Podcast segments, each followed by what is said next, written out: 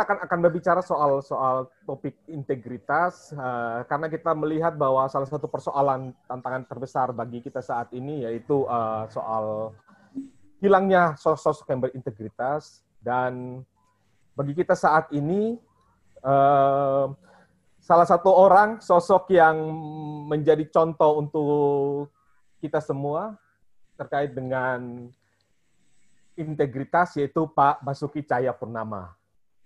Uh, sehingga kita ingin malam ini ingin mendengar uh, bagaimana Pak Basuki Cahaya Purnama mencontohkan atau hidup dengan integritas yang ia miliki di saat ia harus berhadapan dengan banyaknya persoalan yang ia hadapi seperti itu. Nah, saya ingin bertanya kepada Pak Basuki Cahaya Purnama. Selamat malam Pak Ahok. Ya, malam. Ya, um, Pak Ahok, uh, kami melihat Bapak sebagai salah satu contoh buat kami semua tentang sosok pemimpin yang berintegritas. Artinya yang kami dapatkan sampai saat ini bahwa apa yang dikatakan oleh Bapak itu yang Bapak lakukan. Sejauh ini yang kami melihat di dalam kepemimpinan uh, Pak Pak Ahok seperti itu. Nah, uh, tentu saja tidak mudah ya Pak Ahok ya. Kami merasakan itu uh, dan kami melihat bagaimana Pak Ahok sendiri berjuang untuk mempertahankan integritas Bapak. Di saat begitu banyak uh, tantangan, persoalan, bahkan kasus saat Bapak memimpin DKI luar biasa uh, tantangan tersebut. Nah, kami ingin ingin bertanya kepada Pak Ahok seperti itu. Bagaimana sih Bapak bisa menjaga integritas Bapak di saat begitu banyak godaan uh, korupsi mungkin, uh, kemarahan mungkin, atau bahkan kebencian sehingga itu bisa mengurangi uh, apa ya leadership bapak. Dan tapi bagaimana bapak bisa mempertahankan uh, kekuatan untuk memimpin dengan integritas yang kokoh? Seperti itu sih Pak Ahok untuk pertanyaan pertama ini. Sebetulnya gini ya, ya, jawabnya susah juga. Tadi pagi saya baru sharing saya punya tim kecil, tiga orang, termasuk saya, untuk tiap minggu janjian setengah jam sampai satu jam untuk sharing, giliran. Tadi pagi, ya sharing satu hal yang menarik gitu loh. Banyak orang dipakai Tuhan, dia bilang kita mulai khawatir, kita mulai dengan baik, lalu kita jatuh di ujungnya gitu. Dia juga sharing kan, biasa tuh orang laki-laki jatuhnya tiga tah kira-kira gitu ya. Ya. Harta, tata, wanita gitu. Ya. Tapi sekarang kan kemarin dia juga sharing kan Reuters laporkan satu Liberty University anak yang gitu terkenal atau terlibat kasus yang sangat kaget orang gitu loh sampai dia dikeluarkan. Hmm. Jadi apakah orang seperti itu tidak mengalami kasih Allah sebelumnya? Nah, memang firman Tuhan mengatakan hati-hati kalau kita menganggap kita kuat, justru kita jatuh gitu loh. Tapi buat saya, yang saya alamin, saya kira pertama, kita tentu percaya ini anugerah Tuhan. Hmm. Yang kedua, kita usaha. Arti usaha itu apa? Saya suka ada beberapa teman perempuan gitu ya, suka bilang gini sama saya. Kok kayaknya sih kalau lihat kita udah deket gitu ya kok tiba-tiba lu menjauh gitu ya? Kita dalam kehidupan kita kita bisa dekat tuh sama sama beda jenis, iya, walaupun yeah, yeah, yeah. sudah punya keluarga, itu bisa terjadi. Nah, kenapa bisa itu? Nah, saya katakan itulah gunanya tiap pagi kita doa sama Tuhan. Hmm. Kita tiap pagi baca firman Tuhan. Firman Tuhan kita itu beda dengan agama orang lain yang istilahnya kalau dia kecil dia udah baca dari A sampai Z itu sudah lulus dan dia nggak baca lagi. Dan dia hanya melakukan ritual agama. Sedangkan kita orang Kristen, dibaca setahun habis, ya kalau 50 tahun ya 50 kali kita baca gitu loh. Karena hmm. firman Tuhan yang kita baca itu setiap hari, tahun depan kalimat yang sama berbicara memberikan iluminasi ya, bukan iluminati. Ada orang Kristen marah sama saya, Illuminati. Saya iluminasi kan illumination, pencerahan ilahi, saudara kita. Hmm, kita. Ya, ya. Bukan Illuminati gitu loh. Ya. Saya kadang-kadang iluminasi mesti saya jelaskan. Kadang-kadang kadrun itu juga ada di Kristen ternyata, tahu nggak? Jadi orang-orang yang albatnya. Tapi ya sudah. Ya, ya. Ini memberikan iluminasi kepada kita sepanjang hari. Nah, saya kira itulah yang menjadi pedoman. Ya kalau kita lihat Mazmur di 119, firman Tuhan itu betul-betul pelita bagi kaki kita gitu, terang bagi jalan hmm. kita itu betul-betul setiap hari itu dia kasih tahu. Dia kasih tahu. Nah, sehingga kita dikuatkan, kita dituntun. Misalnya contoh itu yang paling menarik. Ketika saya ambil yang paling dekat lah ya. Ketika tanggal 22 November, hari Jumat, saya lihat di berita, Erick Thohir keluar dari istana mengatakan Ahok akan diangkat jadi komut atau dirut. Saya udah hmm. tahu nih, jadi komut. Lalu saya bergumul sama Tuhan, malam Tuhan ternyata benar ini. Saya akan ditarik masuk ke Pertamina. Terus sikap saya harus bagaimana di dalam itu? Kan ini beda kerjaan dengan sebagai eksekutif jadi gubernur. Hmm. Ini kan ditunjuk. Saya harus bagaimana? Ya udah, saya tidur aja udah. Ada kasus saya doain tuh saya tidur. Nah pagi-pagi saya bangun, saya rutin membaca firman Tuhan dari kejadian sampai wahyu ikutin sesuai tanggal gitu loh. Setahun biasa habis. Nah pas hari itu di dalam chronological Bible saya itu tanggal 23 November kan paginya kan. Saya dapatnya itu sesuatu yang saya pun begitu heran ketika saya membaca itu. Saya katakan kok kayak Tuhan menjawab ya. Menjawab sesuatu yang apa yang Tuhan jawab dari saya? Saya katakan itu menarik gitu loh. Hmm. Apa? Disebut di 1 Korintus 16 ayat 18a. Dia loncat ke 13 gitu ya. I must show my appreciation to all who is doing well. Jadi itu saya sampai kasih judul. Ini sikap komut di Pertamina. Hmm. Jadi paginya waktu saya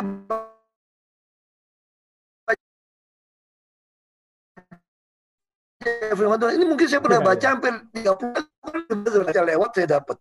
Nah, terus be on God, jadi strong, itu 1 Korintus 16 ayat 13.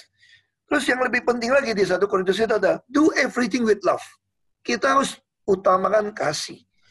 Jadi, di dalam pergumulan saya itu, saya katakan selalu firman Tuhan itu jawab gitu. Hmm. Saya kayak saya lagi diserang orang gitu banyak. Ya saya hanya bisa datang sama Tuhan. Orang kalau nyerang kita, kita jawab apa pun ya dibalikin. Kamu mau jawab apa pun juga, dia dia akan nyerang kamu gitu kan. Iya, iya Pak. Nah, saya kemarin, wah saya diserang kan. Saya pikir kalau saya jadi cleaning service juga diserang. Urusan apa gitu loh. Ini Pertamina, itu rugi diserang gitu kan ya. Lalu saya dapatin menarik, itu saya cerita yang Yakob ya. Hmm. Itu cerita Yakub tuh ada di kejadian 28. Kejadian 28 ayat uh, eh, 13 kalau nggak salah ya. Saya lupa ayatnya itu. Kalau saya tuh 28 eh, ayat 15. Kejadian 28 ayat 15 itu itu langsung Tuhan hibur saya gitu loh. Lu nggak usah khawatir, saya akan bawa kamu kembali ke negeri ini. Artinya apa? orang-orang itu ingin menghabisin karir saya. Hmm. Pengen karakter assassin. Tapi janji Tuhan buat saya, ini tentatif ya. Jadi ya. jangan salah paham juga nih secara teologi ya nih. Hmm. Saya yakin Tuhan akan bawa saya kembali untuk di negeri ini. Tapi ini kenapa saya bilang tentatif? Hmm. Karena menuju tentatif ini, Tuhan kasih tahu kita mau ke mana. Itu pilihan ada di kita. Setiap hmm. hari itu ada opsi. Misalnya ketika dulu saya putuskan, saya mau masuk ke politik atau jadi pengusaha. Saya tentatif tahu Tuhan mau pakai saya di bidang politik. Tapi yang keputusan masih saya yang ambil. Kalau saya tidak mau melepaskan jabatan saya sebagai pengusaha, mas saya tahu masuk akan susah. Maka tentu Tuhan memakai saya tidak bisa full. Namanya saya katakan, ketika Tuhan kasih tahu kita kan sesuatu, ini adalah tentatif. Karena sepanjang jalan itu Anda harus make decision. Hmm. Lu taat sama Tuhan, apa taat sama orang gitu loh. Dan bagi saya adalah Saya nggak peduli apa kata orang. Begitu saya konfirmasi ke Tuhan, kalau saya baca firman Tuhan, saya dapatin sesuatu ini, nah saya tahu ini dari Tuhan. Orang tanya masih tahu dari mana dari Tuhan? Hmm. Secara jujur dalam hati saya, saya nggak suka. Saya nggak mau. saya itu ada kekhawatiran kehilangan comfort zone saya gitu Hmm. Reputasi saya, comfort zone saya itu dipertaruhkan, ada bahaya saya. Maka saya tahu itu dari Tuhan. Ini tentatif dari Tuhan. Karena saya tidak mau. Nah, makanya saya tahu ini satu langkah, itu satu langkah maju. Nah kita manusia itu Tuhan kasih lihat kita tentatif ke depan mau apa, pelayanan apa. Tapi di sebagian kita, kita takut kehilangan comfort zone. Teman. Makanya di sini saya berpikir, ya, kita ya. berdoa, kita doa itu bukan memaksa Tuhan mengubah Tuhan mau pakai kita ke mana. Tapi bagaimana kita menyamakan persepsi kita dengan persepsi Allah. Jadi ketika kita nyamakan kita dari persepsi Allah, maka putusan yang kita ambil, kita nggak peduli apa kata orang, persepsi orang. Misalnya hmm. contoh lah, saya buka. Bagi saya perceraian itu sesuatu yang merugikan. Itu menurut pengamat staf politik saya. ya, ya. Yang membeli buku saya drop. Mereka bilang, kalau bapak cerai, rusak bapak. Terus udah putusin cerai, udah rusak. Lu putusin nikah cepat, lebih rusak, hancur. Jadi ini double kamu kehilangan pemilih menengah. Pendukung saya kan rata-rata ibu-ibu nih. Pendukung saya ibu-ibu kan. Ya, ya, Pak. Ibu-ibu ini akan meninggalkan Bapak, tidak ada supporter yang non-Kristen, yang radikal benci Bapak, karena Bapak penista agama. Lalu Bapak yang kaya sekali, nggak suka Bapak juga jadi pejabat, karena nggak ada untungnya buat mereka. Jadi Bapak punya basis pendukung di mana nanti? Kalau Bapak lakukan perceraian, kalau Bapak lakukan menikah kembali, finish karir Bapak di politik. Hmm. Makanya saya harus putuskan ini dengan tim doa kecil saya yang tidak punya kepentingan. Setelah saya dapatkan iluminasi demi iluminasi hmm. sepanjang saya di dalam, lalu saya mesti panggil pendeta saya untuk diskusikan saya juga diskusikan juga dengan pendeta Stephen Tong. Saya sampaikan pada beliau datang ke tempat saya, saya dapatkan iluminasi seperti ini. Dan keputusan saya terpaksa mengambil ini. Jadi hmm. dalam etika protestan, itu dikenal ada istilah laser evil, necessary evil. Hmm. Jadi ini satu konsep protestan kita yang kita anut gitu loh. Ya. Nah, Misalnya contoh, saya baca buku Pak Tong 10 Hukum Allah. 770 halaman. Kenapa Allah mengatakan dia Allah seorang Allah yang cemburu? Karena kenapa Allah mengatakan laki-laki diciptakan menurut gambar rupa Allah? Maka tidak ada laki-laki mana pun yang izinkan istrinya punya teman khusus. Hmm. Sama seperti Allah. Ini memang pilihan yang sulit. Nah, terus teman saya bilang gini sama saya. Lu jangan bodoh, Hok. Lu orang politik. Banyak di dunia ini, laki-laki sama perempuan, suami istri, itu tidak tidur bareng lagi. Dan masing-masing punya pacar. Cuma show off di depan masih baik. Malah adik saya yang lulusan luar negeri lebih cilaka lagi saya bilang. Mama saya bilang jangan dengerin dia. Dia bilang gini, saya share. Oh hmm. kok, itu mah biasa kok. Teman saya biasa tukar-tukar istri suami juga biasa. Ini persoalan kamu tidak bisa terima culture ini. Lalu hmm. Kamu diem-diem aja. Ngapain? Biarin aja jalan masing-masing. Makanya saya sharing tadi pagi, kemungkinan pendeta Amerika yang jadi masalah itu, dia mengizinkan pacar istrinya bersetubuh dengan pacarnya disaksikan oleh dia. Jadi orang anggap dia saraf. Ini hmm. seorang tokoh yang begitu hebat di gereja. Liberty University atau apa tadi dia sharing. Nah itu yang saya katakan, ketika Anda mengikuti Tuhan, kamu nggak usah takut orang ngomong apa. Bukan apa kata orang. Kita bukan mengimpress other. Hmm. Terus kenapa waktu keluar nikah, saya dipaksa harus keluar negeri sampai pemilu selesai. Hmm. Lalu saran dari teman-teman itu apa? Jangan nikah dulu. Terus mama saya bilang, saya sih nggak bisa temenin kamu keluar negeri enam bulan. Ini ya. yang calon istrimu bawa aja keluar negeri dulu. Orang biasa kok tunangan keluar negeri, foto priwet juga udah tidur bareng. Keluar negeri, nanti pulang baru menikah gitu loh. ya, ya. Kamu lihat-lihat dulu yang lain. Saya bilang kalau Tuhan udah kasih saya jelas, saya keluar, saya menikah. Lalu semua mengatakan, wah lu hancur lu. Orang kan tuh dulu selingkuh. Pasti lu hancur. Pasti pihak lawan akan menyerang kamu karakter assassin. Nah balik lagi ke soal ini tadi. Kita kalau mau berintegritas, bukan hmm. menyembunyikan sesuatu. Apalagi ini kita yakin iluminasi firman Tuhan. Hmm. Kalau kamu salah, kamu sembunyikan, itu bukan integritas namanya teman. Jadi ketika kamu yakin ini ikut Tuhan, Anda menyembunyikan itu, Anda takut, Anda juga bukan pengikut, Anda juga tidak berintegritas. Itu pandangan saya seperti itu. Mantap Pak, ya ya luar biasa ininya. Pak, uh, uh, sehingga pertanyaan saya selanjutnya ya Pak, Pak Basuki, uh, Bapak kan banyak sekali orang yang bisa kita katakan musuh atau yang menentang Bapak. Sebagai seorang Kristen, Pak, apakah Bapak saat ini ya, saat ini saat kita ngobrol ini, Bapak telah mengampuni mereka semua, Pak? Oh, dari dulu saya ampunin kok.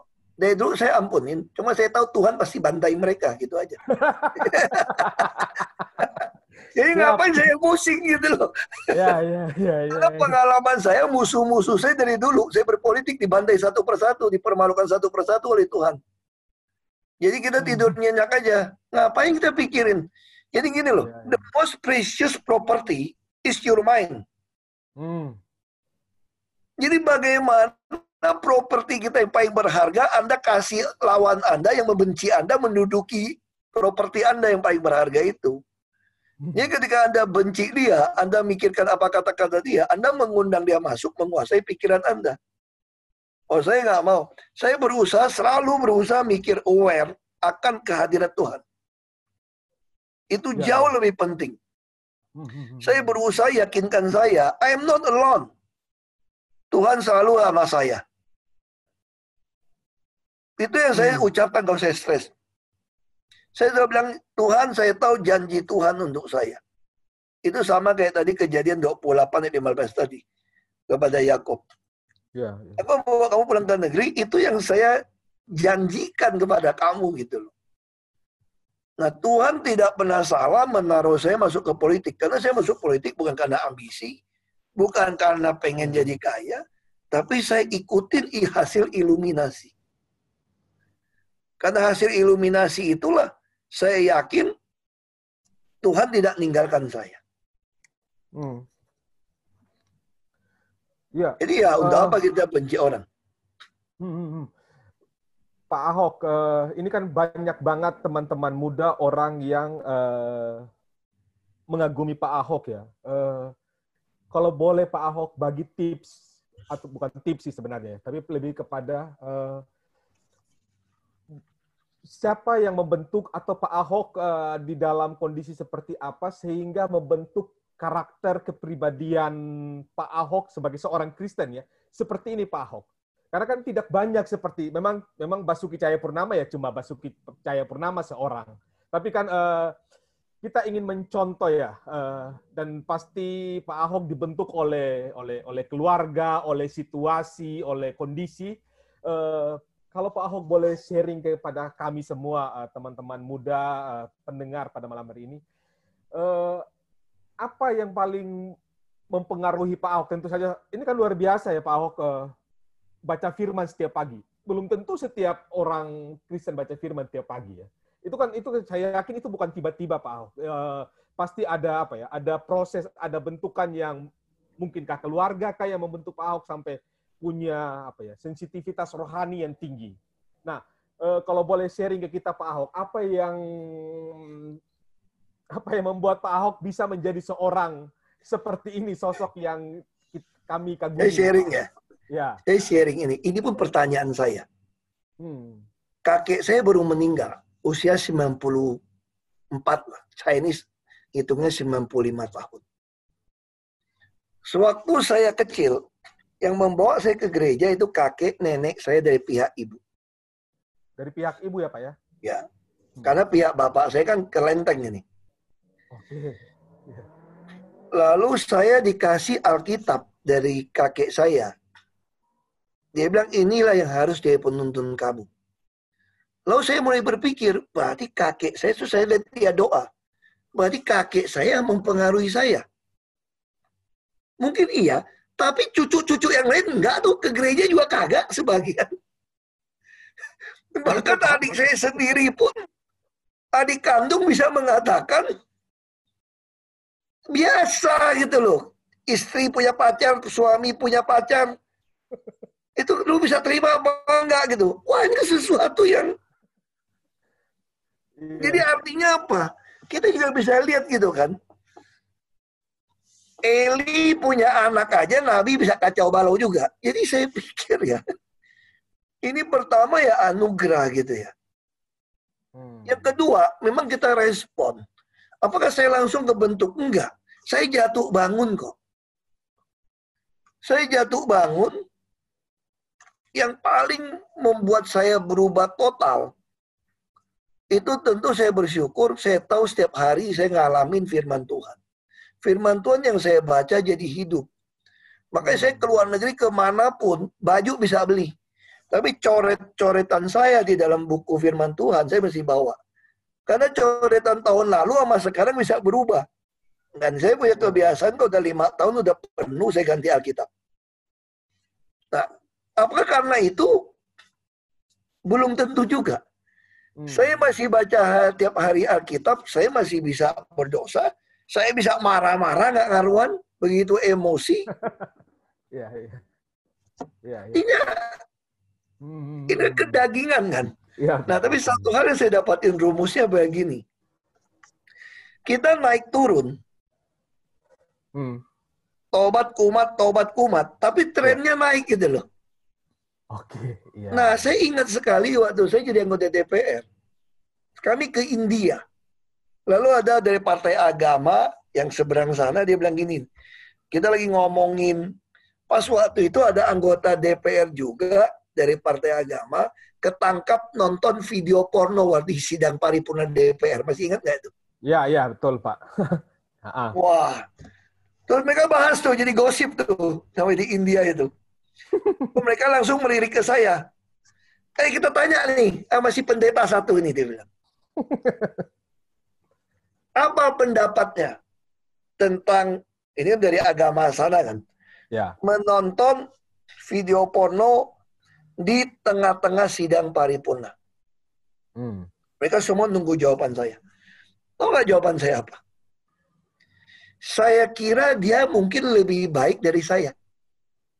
Loh kok hmm. bisa? Karena dia ketagihan nonton video pornonya udah umur 40-50-an. Saya SMP udah nonton, saya bilang. Iya, iya, iya. Nah itu yang saya maksud. Kekristenan adalah berbicara, Anda naik turun, tapi grafik trennya naik. Sampai muka dengan muka ketemu Tuhan Yesus. Itulah kesempurnaan kita. Hari hmm. ini kita melihat dengan tidak sempurna. Hanya bayang-bayang. Kita ciptaan Tuhan kan. Menurut hmm. gambar rupa Allah. Kita belum, nah kita masuk ke surga itulah gambar sesungguhnya kita punya. Nah Allah ingin, kalau kita doa Bapa kami kan jelas banget kan. Hmm. Kita ingin datang kerajaanmu di bumi ini loh. Dikuduskan namamu. Artinya apa? Di dalam pandangan saya, di situlah kalau kita taat kepada Tuhan, ketika kita tahu tentatif Tuhan pengen kita lakukan apa, ketika kita yes or no sama firman Tuhan, ketika kita yes, kita jadi sesuai dengan waktu Tuhan menciptakan kita. Jadi dalam kandungan kita pun Tuhan sudah punya rencana baik buat kita, tapi kita yang tidak peka, tidak dengar hmm. untuk lakukan sesuatu.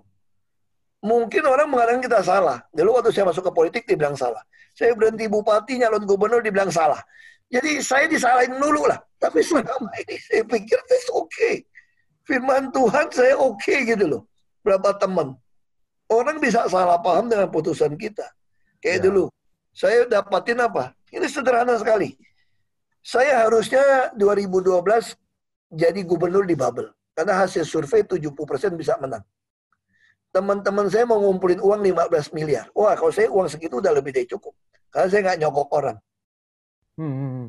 Tapi saya bergumul sama Tuhan, apa saya mesti kembali ke Babel? Saya udah pernah jadi bupati di sana pun, jadi gubernur juga dicurangin, ini pasti menang. Oh, saya bingung jawabnya. Tapi satu hari itu saya lagi baca, saya kisah para rasul.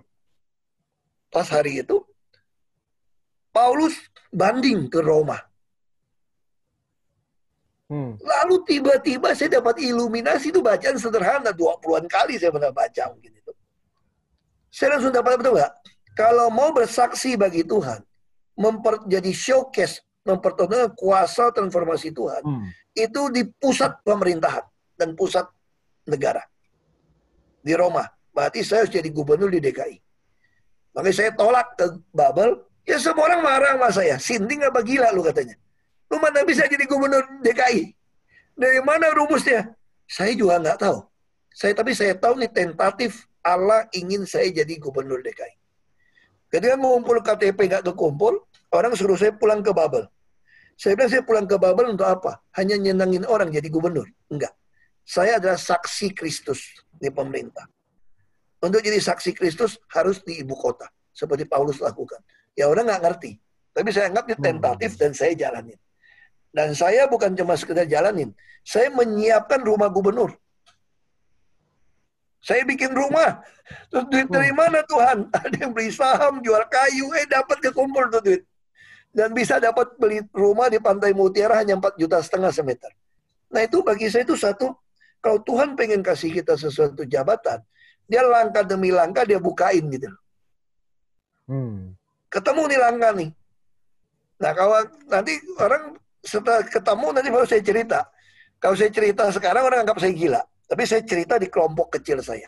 Untuk supaya tahu saksi. Ya. Kalau saya udah jadi gubernur baru ngomong. Orang, ah lu udah jadi baru ngomong. Tapi saya hmm. betul-betul bangun sekarang saya mau jadi gubernur DKI. Nah itu saya katakan tentatif. Lalu kita taat ikutin. Ya. Itulah jadi sebenarnya takdirnya versi Kristen tuh itu tentatif hmm.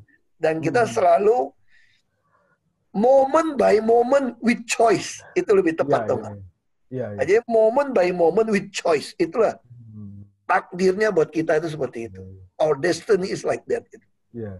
Dan berusaha untuk selalu memberikan yang terbaik sekaligus tidak takut terhadap risiko yang akan akan akan kita alami ketika kita terus berjalan di dalam uh, rencana Tuhan yang tentatif itu ya. ya saya pernah dapatin satu tulisan menarik sekali gitu ya.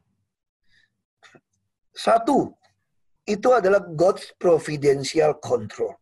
Hmm, kita percaya Allah Bapa kita bukan hanya pencipta alam semesta, tapi dia juga yang memelihara, mengatur seluruh kehidupan alam semesta. Sama kayak kita juga. Yang kedua, kita ini adalah umat Israel hmm. karena Kristus yang specially chosen. Kita ini dipilih Bukan kita yang memilih Kristus. Tapi ketika dunia ya. jadikan pun Kristus telah memilih kita. Ini teologi yang kita anut. Ya. Ya. Kita dipilih oleh Kristus. Yang ketiga, kalau kita dipilih oleh Kristus, kita punya Allah Bapa yang kontrol semua. Nothing to fear. Apa yang lo takutin? Hmm. Dan yang keempat, kalau Anda dipilih, anda ditugaskan melakukan suatu tugas, pasti needs to be provided. Sama kayak kita kerja profesional loh. Bosmu suruh kamu ke luar negeri. Bila perlu kasih kamu first class atau business class, pasti needs to be provided. Nah Allah Bapak juga sama. Nah kita tinggal peka, kita cek ini. Hmm. Nyiapkan rumah, nyiapkan rumah gitu kan. Orang ketawain saya. Orang tinggal di Jakarta, apa orang tinggal di Bekasi, Depok, pengen pindah ke Jakarta. Kok kamu tinggal di Jakarta, kamu pengen pindah ke Bekasi? Hmm. Saya bilang, saya lagi siapin rumah yang lebih gede soalnya. Supaya bisa untuk ngumpul orang banyak. Rumahnya nggak gede, tempat kumpulnya banyak. Nah, saya punya visi. Dan itu langkah atas staff-staff saya, walaupun yang agama bukan Kristen, mereka bisa ikutin tuh bagaimana perjalanan iman kita. Bagaimana kita bersandar pada Tuhan kita yang hidup. Iya Pak. Saya kira uh, itu sih. Iya iya. Jadi jadi paling tidak kalau saya dapat sampai saat ini ya teman-teman uh, uh, dari obrolan kita dengan dengan Pak BTP ini memang uh, saat saat kita punya kedekatan dengan Tuhan, Tuhan pasti akan memberikan kita hikmat untuk untuk tahu rencana besar dari Tuhan. Dan dia memberikan apa ya kepercayaan diri sama kita bahwa uh, lu nggak sendiri. Saat lu ditempatkan uh, gue ada di samping kiri kanan lu. Dan dan dan apa dan benar-benar uh, berbuat sebaik dan sehebat apa yang bisa ke kita kita kita lakukan. Nah, Pak BTP uh, ini ini ini pertanyaan untuk untuk terkait dengan dengan kasus yang pernah menimpa Bapak. Dan ini karena kita bicara soal keindonesiaan ya Pak ya. Uh, Bagaimana sesungguhnya Bapak melihat kemudian kehadiran, walaupun saya yakin dari tadi Bapak sudah sangat uh, menyinggung sudah sangat sudah sangat banyak, tapi uh, kalau Bapak boleh membantu kami semua untuk memahami bagaimana seharusnya seorang Kristen hadir di bumi Indonesia yang multi agama ini. Pak BTP mengal, uh, apa ya, pernah menghadapi kasus yang yang besar seperti itu karena sebagai seorang Kristen. Nah, uh, dari dari dari apa pemaparan Bapak dari tadi bahwa uh, tidak perlu takut, uh, yakin bahwa Tuhan menyertai. Nah, tapi bagi bagi dalam konteks ke, keindonesiaan ya, berbangsa dan bernegara, menurut Bapak seperti apa seharusnya sosok atau kehadiran kita orang Kristen di bumi ini? apakah apakah hanya hanya sebagai apa ya sebagai anak bangsa atau memang kita kehadiran kita memang untuk tadi kalau bapak menyinggung doa bapak kami menghadirkan kerajaan Allah di bumi pertiwi ini dan dan seperti apa uh, kita bisa bisa apa ya, berkontribusi sebagai anak-anak yang memiliki iman kepada kepada Kristus. Ya, ini ini menarik loh. Ini teori ini juga beberapa teman itu ada yang nggak sepakat dengan pandangan saya ya. Hmm. Tapi pandangan saya itu kira-kira begini. Ini kalau dalam amanat agung, Tuhan Yesus bilang, jadikan semua bangsa muridku. Ya. Kita kalau lihat dari doa Bapa kami, ajar mereka melakukan apa yang Tuhan ajarkan. Hmm. Kita punya frame paling besar, itu ada 10 hukum Allah. Hmm. Tidak ada agama samawi kecuali yang Israel ya. Maksudnya yang mayoritas. Tidak pernah dia punya isi 10 hukum Allah. Hmm. Dan kita tidak pernah diajarkan untuk menaklukkan orang lain gitu loh. Atau membenci orang lain. Ya, keren tuh Pak. Atau mengkafirkan orang lain. Hmm. Yang Tuhan inginkan dari kita ini apa? Doa Bapak kami dengan 10 hukum Allah. Saya suka pendeta Stephen Tong bisa menguraikan dengan sangat singkat. Dalam hubungan manusia, yang paling penting adalah hukum ke-6 dan ke-7. Apa ke-6? Kamu benci orang setengah mati pun jangan sampai bunuh dia. Ya. Bunuh bisa macam-macam toh. Bisa ya, karakter ya. SS segala macam. Hmm. Yang ketujuh, kamu suka setengah mati sama dia pun jangan sampai berzina. Hmm. Ini dua hukum Allah, hukum ke-6 dan ketujuh ini. Ini begitu penting dalam hubungan kita sebagai manusia. Nah, dalam rangka di Indonesia, apa yang harus kita lakukan? Orang berdebat macam-macam, mau deradikalisasi segala macam. Saya katakan, yang paling utama adalah kita tunjukkan Allah kita adalah Allah kasih. Yesus mengajarkan itu begitu jelas kepada kita. Orang yang membenci kita pun kita harus mengasihi dia. Ini tidak mudah, tapi saya yakin ada anugerah Tuhan. Kesaksian hidup kita ada untuk memenangkan jiwa-jiwa yang tersesatkan. Apalagi sebagian orang menyerang seolah Kristen ini adalah percaya tiga Allah. Hmm. Padahal sebagian yang menyerang tiga Allah ini, kalau dia baca baik-baik, juga mengatakan Yesus itu adalah utusan Allah. Nabi yang dihembuskan oleh roh Allah. Dan dia adalah kalimat Allah, firman Allah. Jadi itu ya tiga dong. Jadi siapa bilang Yesus mati? Itu Allah yang mati. Itu firman Allah jadi daging yang mati dibangkitkan. Tapi ini yang menurut saya, orang bilang nggak setuju sama saya, ini harus kita kabarkan di Indonesia. Hmm.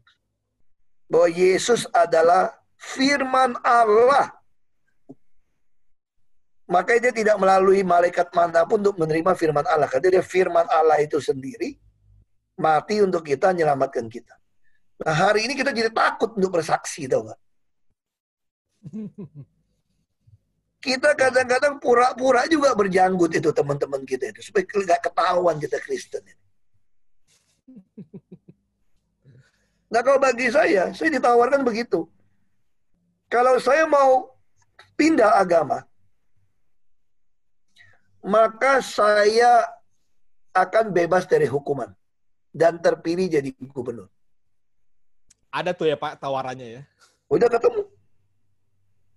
Sudah ketemu bahkan yang ngomong, saya bilang tidak. Karena Alkitab saya tidak dipalsukan dan Yesus saya juga bukan tiga Tuhan. Yesus adalah firman Allah yang hidup yang sudah ada ketika dunia belum dijadikan.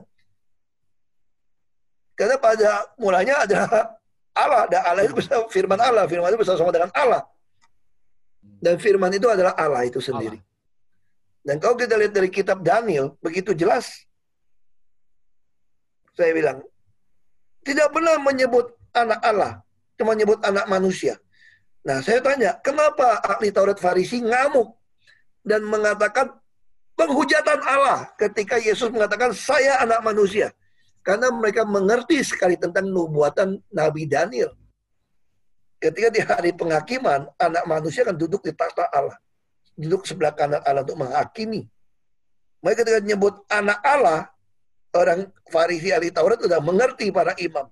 Yesus menyamakan dirinya dengan Allah. Tidak ada yang salah dalam kekristenan. Yesus saya tidak pernah salah.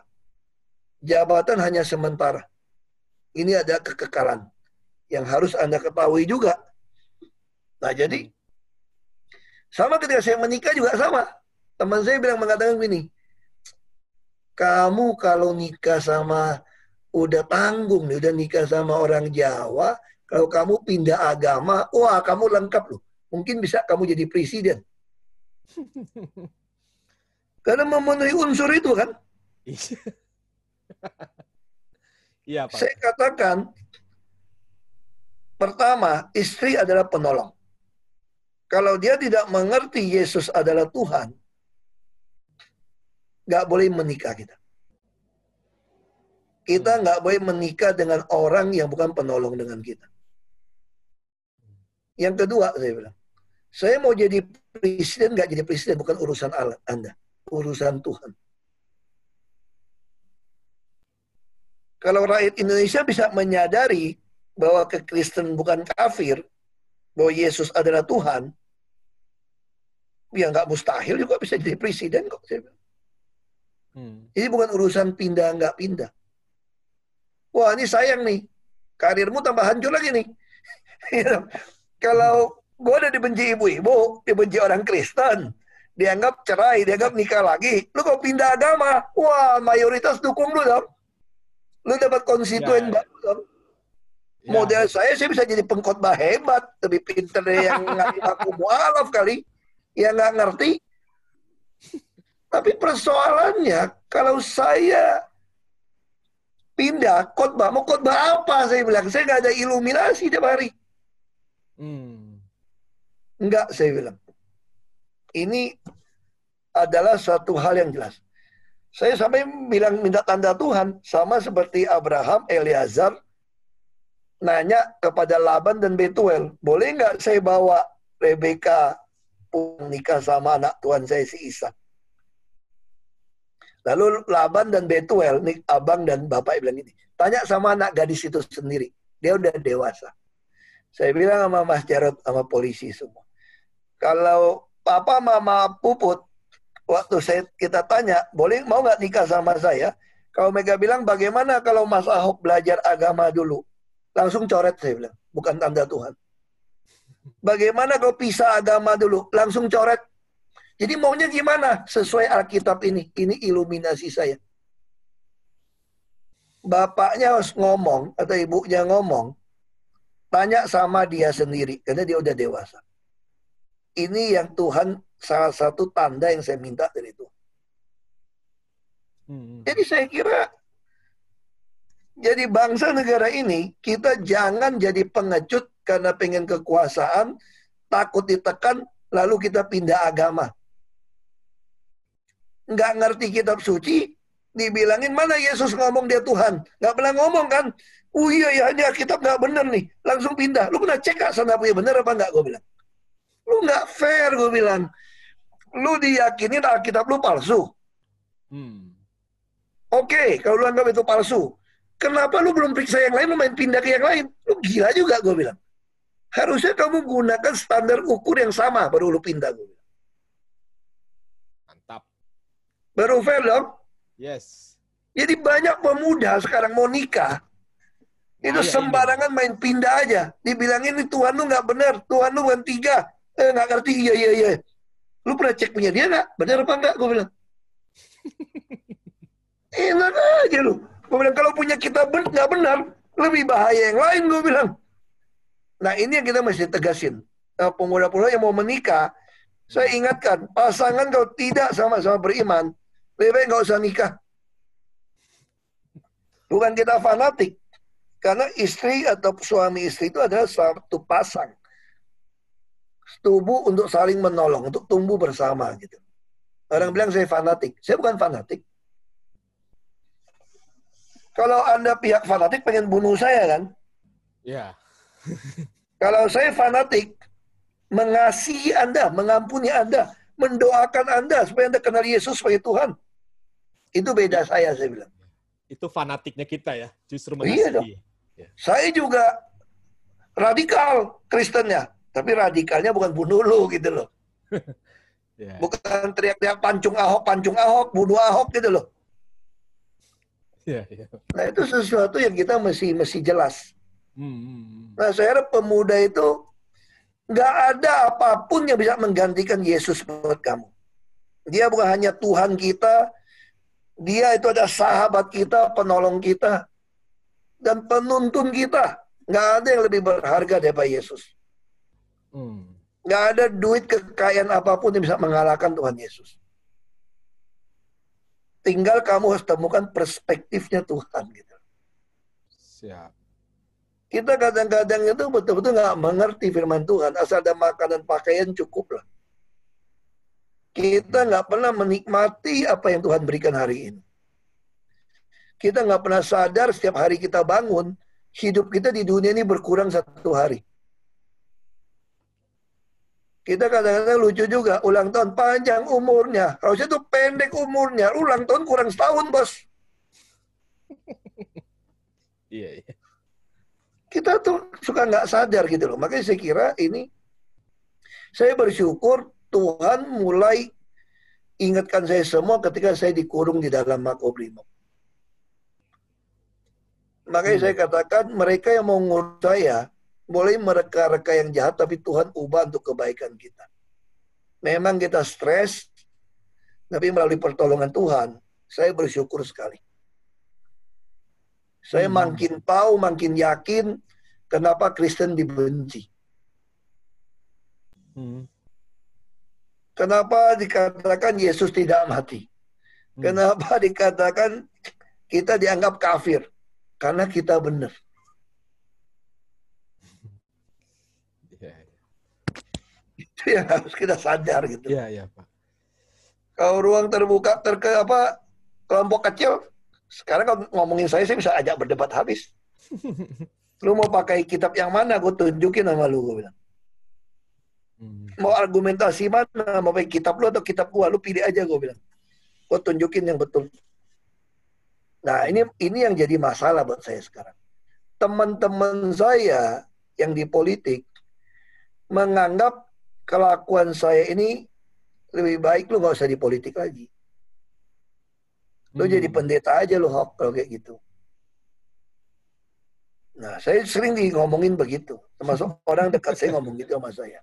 Lu kalau mau suka ngomongin agama, ya lu jangan jadi politisi. Hmm. Lu kalau suka bersaksi, ya jangan jadi politisi. Jangan di pemerintah, jangan ada di Indonesia. Lu mesti tahu, mesti diam di sini. Itu makanya, Pak Masmur bilang, kita diam pun seperti api membakar hati tulang kita. Tahu. Pasti kita ngomong. Kalau kamu udah sering nempel sama Tuhan, kamu masih ngomong. Ini kebenaran. Hmm. Kalau Mazmur 45 sangat jelas kok.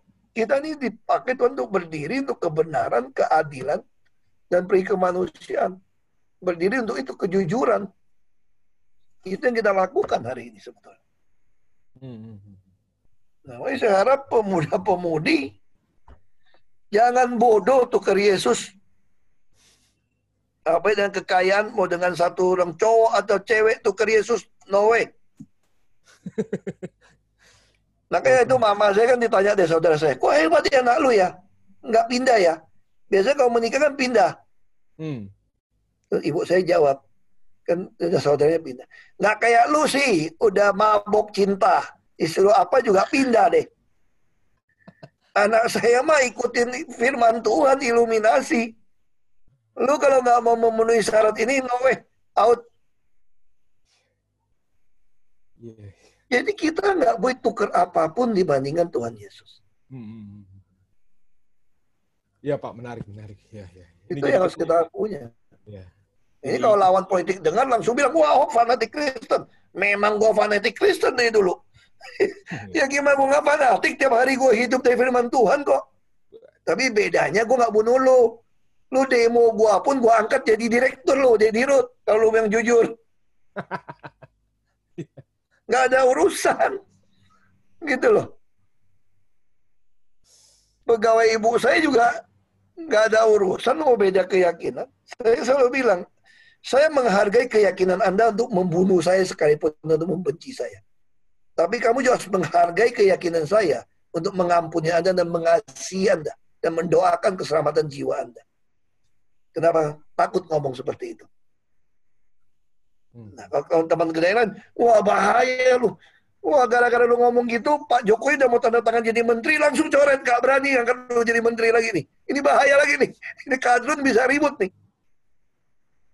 Teman-teman saya ngomong gitu, udah mau tanda tangan nih. Wah, dengan lu kayak gitu. Waduh, pusing deh kita. Lu bisa gak sih diam gak usah cerita Yesus lu lagi? Iya, iya, iya.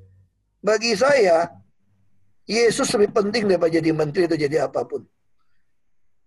Kalau orang takut ngangkat saya jadi pejabat apa pun, takut kadrun ribut. Sama kayak Pertamina kan. Kenapa dia kayak ribut? Mereka takut saya jadi dirut. Dirut gue potong semua dia pikir. Mereka taruh di komisaris utama supaya nggak bisa banyak gerak. tiap kali, tiap kali kalau ada RUPS pasti ribut mau demo. Karena mereka takut saya jadi dirut gitu loh. Ini maunya demo, makanya maunya nyingkirin saya gitu kan. Nah, terus saya dibilang jangan banyak ngomong, lu diem. Lu mesti baik-baik, mesti deketin. Enggak, kebenaran ya kebenaran. Gua akan ngomong kebenaran. Kalau Anda takut taruh saya jadi dirut, takut saya taruh saya jadi menteri, karena saya Kristen, karena saya baca firman Tuhan, karena saya bersaksi, karena Anda ngajak saya webinar, saya ngomong apa adanya, ya nggak usah angkat. Itu prinsip. Toh Tuhan yang akan menentukan sebuah jabatan orang itu. Amin, Tuhan yang akan menggerakkan bahkan sungai pun, hati raja pun di, dibelokkan oleh Tuhan. Kenapa kita takut? Tuhan yang membuat orang berkenan. Sama seperti Yusuf kan. Si kepala penjara itu berkenan kepada si Yusuf. Hmm. Bahkan dia nggak campurin kerjaan si Yusuf karena dia percaya kepada dia. Jadi Tuhan punya cara. Kita masih ingat dong, God's providential control. Dan kita ini umat pilihan. Hmm. Umat pilihan Tuhan itu sendiri. Apa yang lu takutin? Semua kebutuhan dipenuhi. Emangnya kamu jadi pejabat hebat bisa bersaksi baik? Belum tentu juga gitu kan. Ya, kan? ada satu pejabat saya dengar tadi baru ah, ada gosip-gosip dari teman mau diangkat posisi lebih tinggi, tapi syaratnya mesti pindah deh. Karena kelemahannya itu, percaya Yesus Tuhan. Coba kalau lu nggak percaya Yesus Tuhan, naik pangkat lu. Karir lu bisa naik. Terus saya bilang, kalau dia lakukan, saya nggak percaya sama dia sama sekali. Hmm. Kalau dia udah lakukan seperti itu, saya bilang, maka nanti dia akan terus mengimpresi kaum radikal. Dia akan berusaha menyenangkan kaum radikal. Ya. Dia akan makin berusaha supaya radikal suka sama dia. Hmm. Bahaya orang kalau seperti itu. Kalau itu dilakukan dia, saya bilang, bahaya. Hmm. Nah bayangin, kamu, Ronald kamu nggak takut sama saya. Kalau demi jadi gubernur, gue pindah. Hmm. Dan saya suka bilang ini waktu bupati dulu ya. Lu mesti pindah kalau kita nggak jadi bupati. Karena lu bagus banget. Gue bilang, kalau gue nggak ada Yesus, nggak sebagus ini, gue bilang. Lu gue bilang gue bagus karena gue taat sama Yesus, gue bilang. Iya, iya, iya. Jadi kita hari ini hidup ya, takut omongan orang gitu. Takut nggak ya. dapat jabatan, nggak punya duit. Hmm, hmm. Itu yang kita takutin. Kita takut ikutin Tuhan. Lu bisa bayangin nggak kalau kemarin gue takut apa kata orang? Gue nggak berani cerai. Gue hmm. nggak hmm. berani nikah cepet. Gue luntang lantung. Hmm. Hari ini mungkin mulai lihat juga di GKI Kebayoran Baru ada yang cantik apa enggak? Dicocok apa enggak di Ronald nih? yeah, yeah. Pacaran nggak ngaruhan gitu kan? Yeah, yeah. Terus dasarnya apa? Tuhan udah kasih lihat lu yang mana. Itu masalah gitu. Ya gue bilang sama teman-teman gue, teman gue bilang gini, wah ini pintar nih setan nih pintar ngerayu tuh nggak? Lu nggak jelek lu Hok, fisik lu juga nggak jelek lu. Wah lu malah aku lu dia bilang lu. Lu bisa pacaran tiap minggu ganti tiga orang bisa dapet tuh lu. Dua kali aja pacarannya jangan lama-lama dia bilang. Jadi jangan sampai hati lu kemakan sama dia. Terus gue bilang, menarik juga usulan lu itu. Tapi gue udah baca Alkitab nggak dapat iluminasinya nih kalau ada iluminasinya gue pengen pengen juga kayak ini enak juga gue bilang gak ada iluminasinya hmm. tapi kalau gue menikah sama ini gue bilang lu mau satu juta orang gue bisa buka balikin lagi Ahok memanipulasi firman Tuhan gue bilang emangnya gue yang ngatur tulisan kitab kejadian sampai Wahyu tanggal apa bacanya hmm. kadang-kadang lucu juga mereka gitu tapi udah gue gak mau pusingin lah apa ya ada pendeta bilang, ah pasti masuk neraka. Puji Tuhan, neraka lu yang masuk kali gua kira. Jadi kita tunggu aja di, di surga. Kita lihat ada dia apa enggak gitu loh. Mudah-mudahan Tuhan ampunin juga. Saya percaya teologi, saya pasti masuk surga. Itu teologi reform Injili yang saya anut. Ya. Saya yakin masuk surga. Itu aja. Dan keselamatan saya nggak hilang gitu loh. Itu sih. Terlalu semangat ya. Mantap Pak. Mantap Pak. Uh, menye, menye, apa sangat sangat ini sih Pak. Apa ya? Uh, sampai saat ini paling tidak membuat seharusnya sih membuat kami semua percaya diri bahwa kalau kita kuat di dalam firman Tuhan, uh, seharusnya tidak perlu ragu terhadap apa pun sih sebenarnya. Uh, dan dan saya hanya ingin ini ingin ini sih Pak uh, apa ya?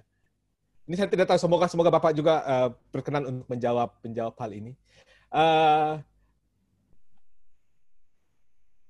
kalau jika Bapak melihat bahwa semua ini karena penyertaan Tuhan ya, penyertaan Tuhan. Ya apa yang Pak Ahok uh, soalnya tadi siang saya sempat menonton uh, ya Bapak sempat wawancara dengan uh, Najwa uh, Bapak juga sempat langsung mengatakan dengan dengan statement yang kuat saya akan menasihatkan semua pemuda jangan sampai bercerai. Itu statement yang sangat sangat kuat. Ya. Tapi saya tidak mau masuk ke situ. Saya ingin ingin ingin bertanya soal uh, apa makna keluarga buat Bapak, Pak, untuk Pak Basuki Cahaya Purnama? Uh, ya. Itu itu bagaimana? Karena ini kan semua pemuda pasti akan membentuk keluarga kan, Pak ya. Dan saya yakin betul sebagai keluarga Kristen tantangannya luar biasa uh, besarnya.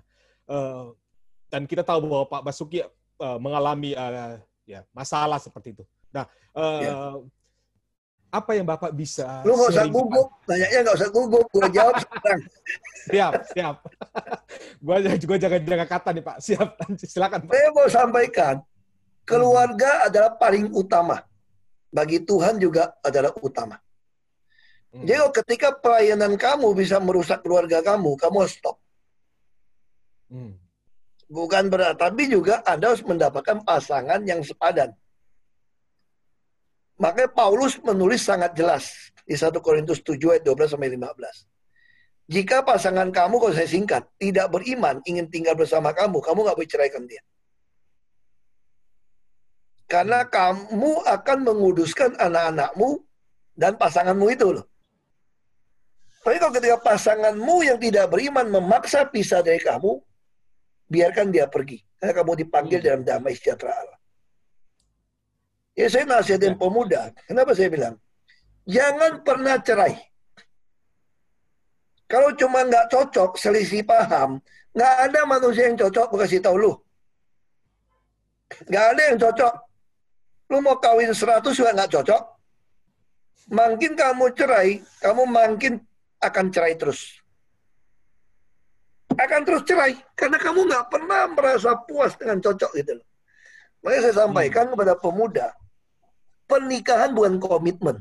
Itu kata dunia, kata psikolog. Kalau cuma komitmen, kamu akan burn out. Makanya banyak orang sampai tua nggak tahan, pisah ranjang, pisah, bisa bisa pisah dia. Karena dia udah nahan. Tunggu anak gue gede nih, gue udah enak nih, gue kok komitmen tuh nggak? Tunggu gue udah mampu punya uang nih. Begitu dia udah mampu, bubar. Karena itu komitmen. Makanya dia burn out. Makanya kalau kamu menikah, harus kamu tanya Tuhan baik-baik, betul enggak? Ini kehendak hmm. Tuhan.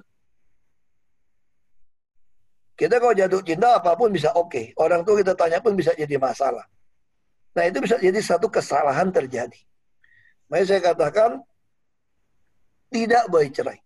Orang mengatakan saya tolol lah, goblok lah, didiemin. Karena bagi saya, Hosea saja terima. Saya tadi baru sharing sama teman saya. Setelah saya gumulkan, saya dapatin, wah ini nggak bisa dipertahankan. Sebenarnya saya mau jalankan Hosea 3. Asal dia nggak berhubungan lagi. Ini namanya Hosea 3, saya bilang. Nah teman saya bilang, wah susah cari laki-laki kayak kamu. Saya sampai ditanya dari mantan mertua saya. Apa bukti kamu memaafkan? Kalau kali ini mau balik, saya bilang, saya laki-laki. Kalau saya masih bisa ereksi, bisa berhubungan tubuh, itu bukti saya memaafkan. Hmm. Itu bukti saya memaafkan. Kalau enggak, saya pasti impotent. Gak bisa bohong kalau laki-laki itu gitu loh. Hmm, hmm, hmm. Tetapi Anda juga sebagai perempuan saya mau nasihatin. Ketika suami mau terima Anda, bukan berarti Anda nginjak dia loh. Bukan berarti Anda tambah berani loh. Kalau kamu mengenal Tuhan dengan baik, orang Chinese yang tidak Kristen saja bilang, kalau istri macam-macam, suami maafkan itu sembayang tujuh langit.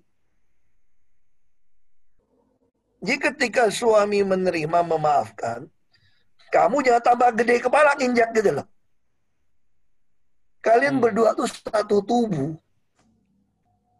Harus saling mengasihi gitu loh. Semua orang kita bisa masalah. Kita lagi emosi bisa kata-kata menyakiti hati.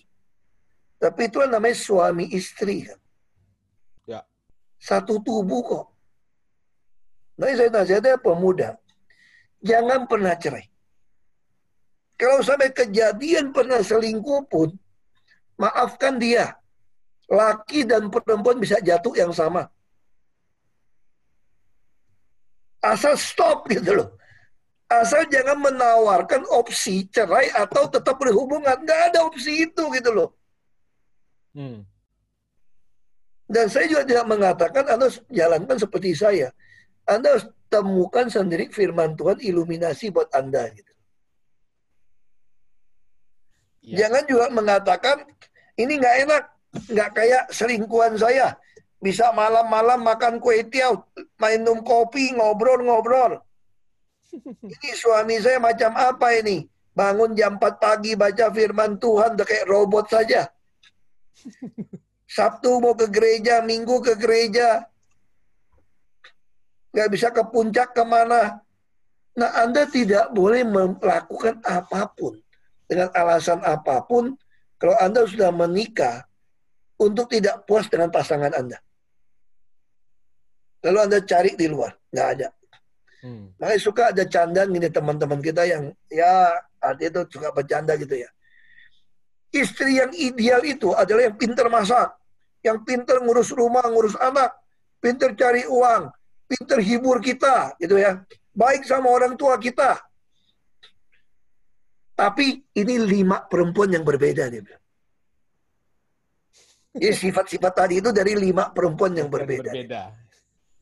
Makanya ada tafsiran boleh nikah empat, boleh nikah sembilan kan. Saya dulu ditanya dari orang dari, dari mereka, orang Kristen boleh nggak punya istri lebih dari satu? Saya bilang boleh. Wah, semua nyerang saya. Lu dengar dulu kalimat saya. Kamu ke ronsen dulu. Tulang rusukmu yang lebih pendek tuh ada berapa? Gue bilang. Kalau tulang rusukmu juga pendeknya satu, ya cuma satu.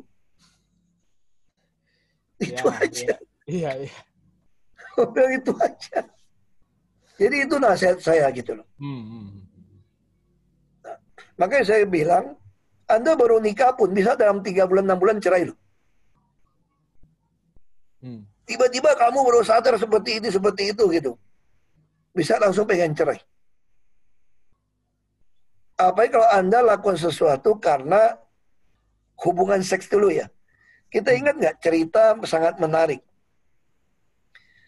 Ketika Daud jatuh dengan Batseba. Batseba, ya. Di bawah kita tuh langsung cerita tentang Tamar dengan Abnon ya. Iya. Yang memperkosa dia. Ya. Dia begitu cinta sama dia, begitu dia perkosa, langsung benci setengah mati. Makanya saya katakan bukan saya fanatik, harus menjaga kesucian. Percaya sama saya, kalau laki-laki pengen tidurin Anda perempuan sebelum nikah, itu bukan laki-laki yang baik. Jangan percaya mengatakan dia pasti suami yang baik. Karena saya cinta sama dia, dia minta duluan, saya kasih percaya. Lu bodoh, gue bilang. Suami yang baik akan ngajak kamu nikah baik-baik mempertahankan kesucian ranjang pengantin. Nah, kenapa orang bisa selingkuh segala macam? Karena waktu mudanya udah sembarangan, menurut saya. Hmm. Jadi berani.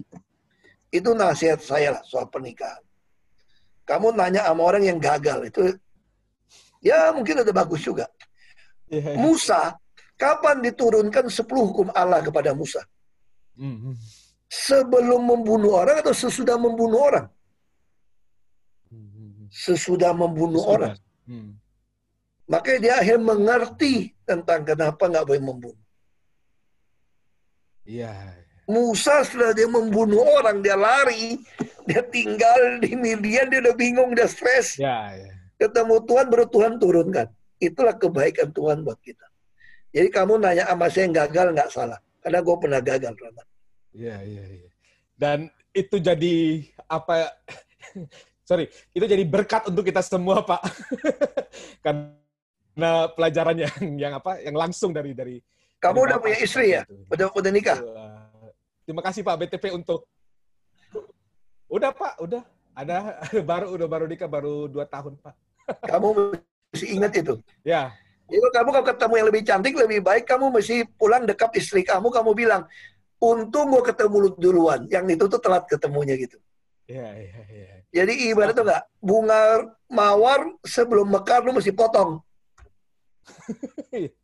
Yeah, kita yeah. dalam hidup kita bisa dalam bekerja kita bisa suka dengan lawan jenis kita loh. Hmm, hmm, hmm. Karena sering bareng segala macam. Makanya kamu mesti ingat hukum yang ketujuh. Sesuka-suka kamu pun sama dia nggak berzina. Kalau kamu udah berzina, udah lewat, kamu mesti ingat kasih Allah mengampuni kamu. Asal kamu mau bertobat balik. Amin. Ya. Kasih Allah tidak kekurangan buat kita. Harus balik. Harus balik. Harus tetap balik lagi suami istri. Iya, iya. Karena itu yang memulihkan kita lagi ya Pak ya, sebagai pribadi ya, yang Makanya sebagai suami istri juga saya harapkan tiap pagi atau tiap malam selalu doa bersama sebelum tidur. Secapek-capek apa pun doa bersama. Ambil satu pokok doa untuk didoakan. Kalau saya, saya biasa bikin bagi seminggu itu, hari Senin saya doakan keluarga inti. Hmm. Hari Selasa saya doakan usaha saya, pekerjaan saya. Hari ketiga, saya doakan pendeta-pendeta yang saya kenal.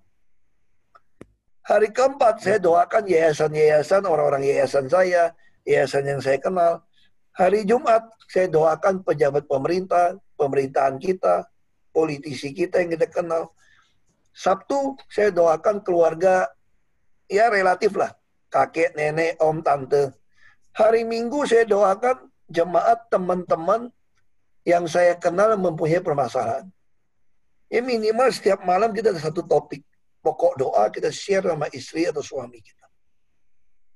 Lalu kita tutup, ya kita bisa berkatin kita juga lah pakai ulangan. Tuhan memberkati kami, melindungi kami, menyinari kami dengan wajahmu, beri kami kasih karuniamu, hadapkan wajahmu pada kami, beri pada kami kasihmu, sukacitamu, anugerahmu, dan damai sejahteramu. Itu saya tambah.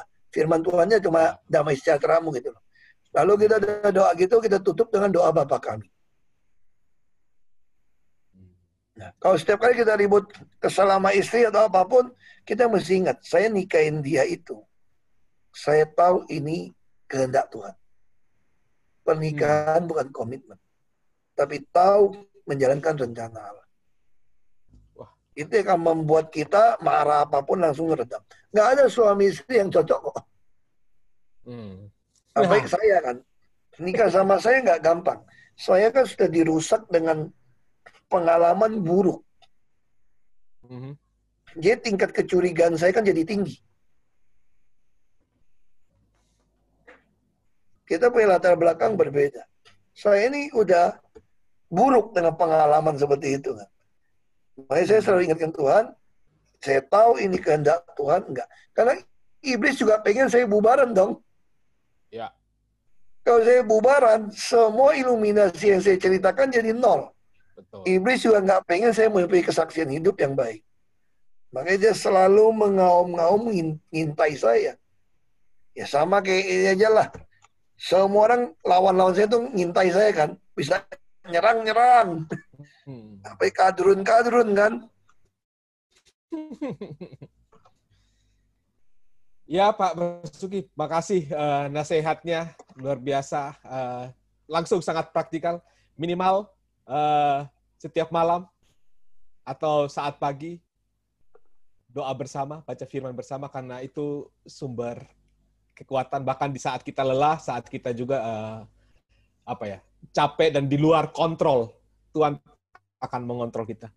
Uh, Pak Basuki, uh, ada pertanyaan dari beberapa teman ini kita akan baca, semoga uh, bisa direspon oleh Pak Basuki. Silakan Gi. Oke, okay, thank you Bang. Uh, thank you Pak BTP. Ini kita ada mungkin akan pilih dua pertanyaan aja ya karena waktu juga nih. Tapi thank you Pak. Jadi ini nggak cuma integritas dalam pekerjaan ya, tapi dalam memilih pasangan juga sepertinya tadi diskusinya. Thank you Pak. Uh, ini ada dari Arnold. Aku bacain ya. Mohon izin Pak, uh, seperti saat menjabat DKI 1, komut sebagai komut saat ini Bapak memiliki sesi tanya apa saja ke komut mendengar cerita dari banyak orang, mengolah berbagai perspektif, dan menjawab satu persatu semuanya. Sementara pekerjaan harian Bapak pun juga tetap terselesaikan. Dari mana nih Pak energi Bapak dan bagaimana mempertahankannya? Kalau misalnya tadi dibilang kan Pak BTP trennya itu naik turun, eh, apa grafiknya naik turun tapi trennya naik. Pernah nggak Bapak merasa kehilangan semangat integritas itu Pak? Terima kasih Pak. Kita tuh semua orang pasti secara manusia pasti naik turun Kadang-kadang saya juga bisa berpikir tuh apa gue goblok ya. Hmm. Apa yang orang bilang kan, gue rasa gubernur paling miskin tuh lu. Paling naif itu lu, paling goblok itu lu. Tapi kita betul nggak dapat apa-apa, kita mau kerja sama orang, kita bisa merasa. Tapi setiap saat masuk ke tingkat seperti itu, cepat-cepat kita balik. Fokus kepada Tuhan. Bahwa kita tidak ditinggalkan oleh Tuhan. Kita panggil namanya. Yesus, Yesus tolong saya. Yesus tolong saya. Saya stres.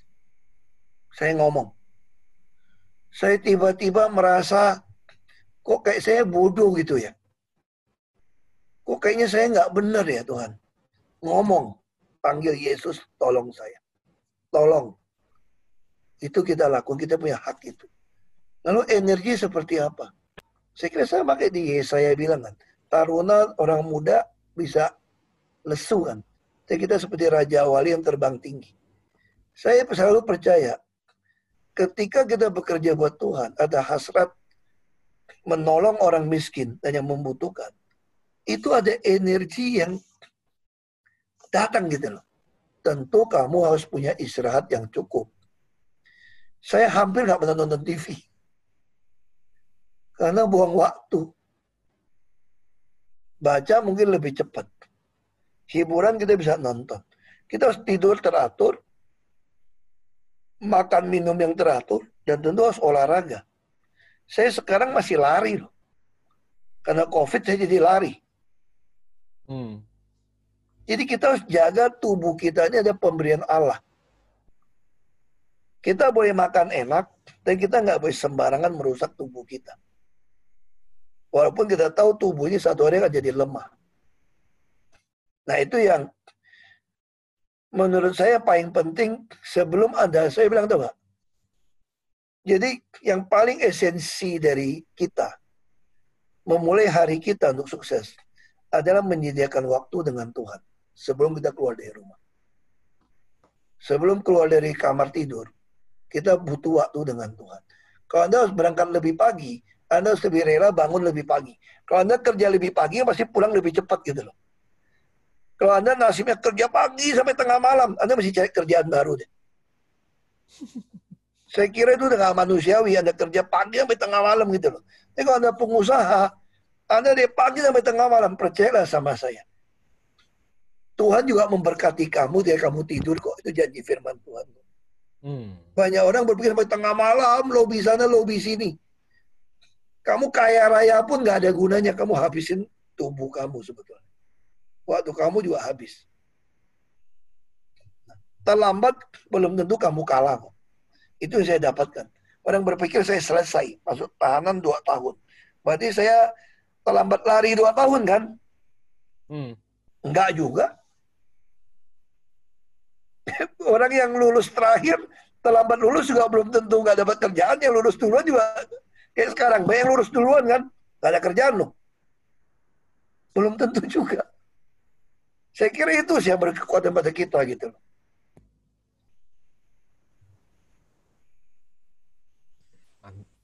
Uh, thank you Pak. Mungkin ini tadi uh, ada beberapa pertanyaan juga dari jemaat yang bagaimana memper, uh, jemaat muda mempertahankan integritas ya tadi tercover ya.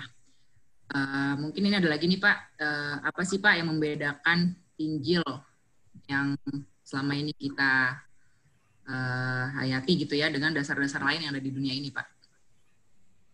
Dan apa yang Injil katakan tentang berpolitik? Berpolitik. Iya Pak. Iya Pak.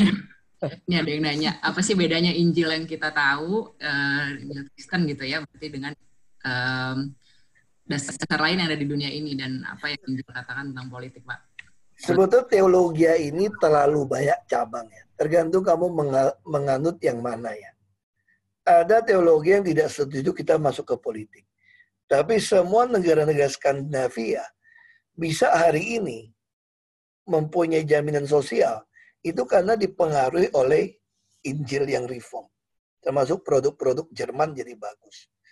Nah, kita ngomongin kampanye lah. Orang suka tanya sama saya gitu. Kadang orang Kristen sama saya suka ribut. Ini sama-sama orang partai gitu ya. Mereka nyuruh saya itu bikin baksos kalau mau menang. Baksos kesehatan, bagi-bagi sembako supaya orang milik gitu kan. Saya bilang kalau orang Kristen lakukan itu, itu goblok gue bilang. Wah marah mereka sama saya. Kenapa? Karena Yesusmu saja gagal gue bilang lakukan model itu. Yesus tuh baksos tuh, pengobatan gratis tuh keliling. Dan bagi sembako lagi, lima roti, dua ikan, sisa dua belas bakul. Yang makan lima ribu orang, laki-laki dewasa loh. Dan termasuk perempuan dan anak-anak. Hasilnya orang pilih Yesus gak waktu voting di depan Pilatus? ada Barabas sama Yesus. Padahal Yesus sudah baksos tuh. Obatin orang sampai sembuh, sampai bangkitin orang mati. Nggak ada baksos kita seperti itu. Kasih sembako. Terus votingnya Yesus menang nggak? Kalah votingnya. Yang mereka pilih itu siapa? Barabas. Jadi kalau orang Kristen, kampanye dengan nyogok-nyogok uang, nyogok-nyogok pengobatan, sama baksos, sembako, susah mau bertahan lama. Yang akan kita lakukan itu apa? Kenapa kekristenan sampai hari ini ada? Yesus keliling dari kampung ke kampung, mengajarkan firman Tuhan, kebenaran. Jadi rakyat tuh jadi liar karena nggak punya wayu. Itu kata Amsal. Jadi kita harus mendidik rakyat. Memilih orang berdasarkan karakter teruji. Dan kita sebagai politisi, kita tunjukkan ketika kita mempunyai panggung kekuasaan, bahwa kita memang berbeda. Kita tidak pernah cari uang untuk menyogok orang mempertahankan kekuasaan kita. Kita hanya tahu kerja baik-baik. Sekalipun mereka tidak mau milih kita, ini bukan mereka yang tidak milih. Karena Tuhan yang tidak izinkan kita memiliki kekuasaan saat itu. Nah itu yang saya katakan membedakan kekristenan, Injil kekristenan dengan non-Kristen di dalam politik. Kalimat paling singkat itu apa? Kekristenan melakukan prophetical voices, bukan political voices. Kalau political voices menghalalkan segala cara, yang penting berkuasa. Kalau prophetical voices, sekalipun kamu tidak memilih saya, eh, saya akan sampaikan kebenaran kepada Anda. Supaya kamu tahu apa itu arti kebenaran. Apa arti kejujuran. Apa arti keadilan. Apa arti peri kemanusiaan. Itu yang kita sampaikan. Kita taat kepada konstitusi bukan konstituen. Kita taat kepada kebenaran firman Tuhan bukan kepada konstituen. Jadi saya sekalipun konstituen mayoritas benci Kristen, saya tidak perlu pura-pura menjadi tidak Kristen. Itu membedakan Injil kita dan politik dengan yang berpolitik tanpa Injil. Menurut saya seperti itu. Tentu tidak semua orang setuju dengan saya, tapi itu yang saya jalankan.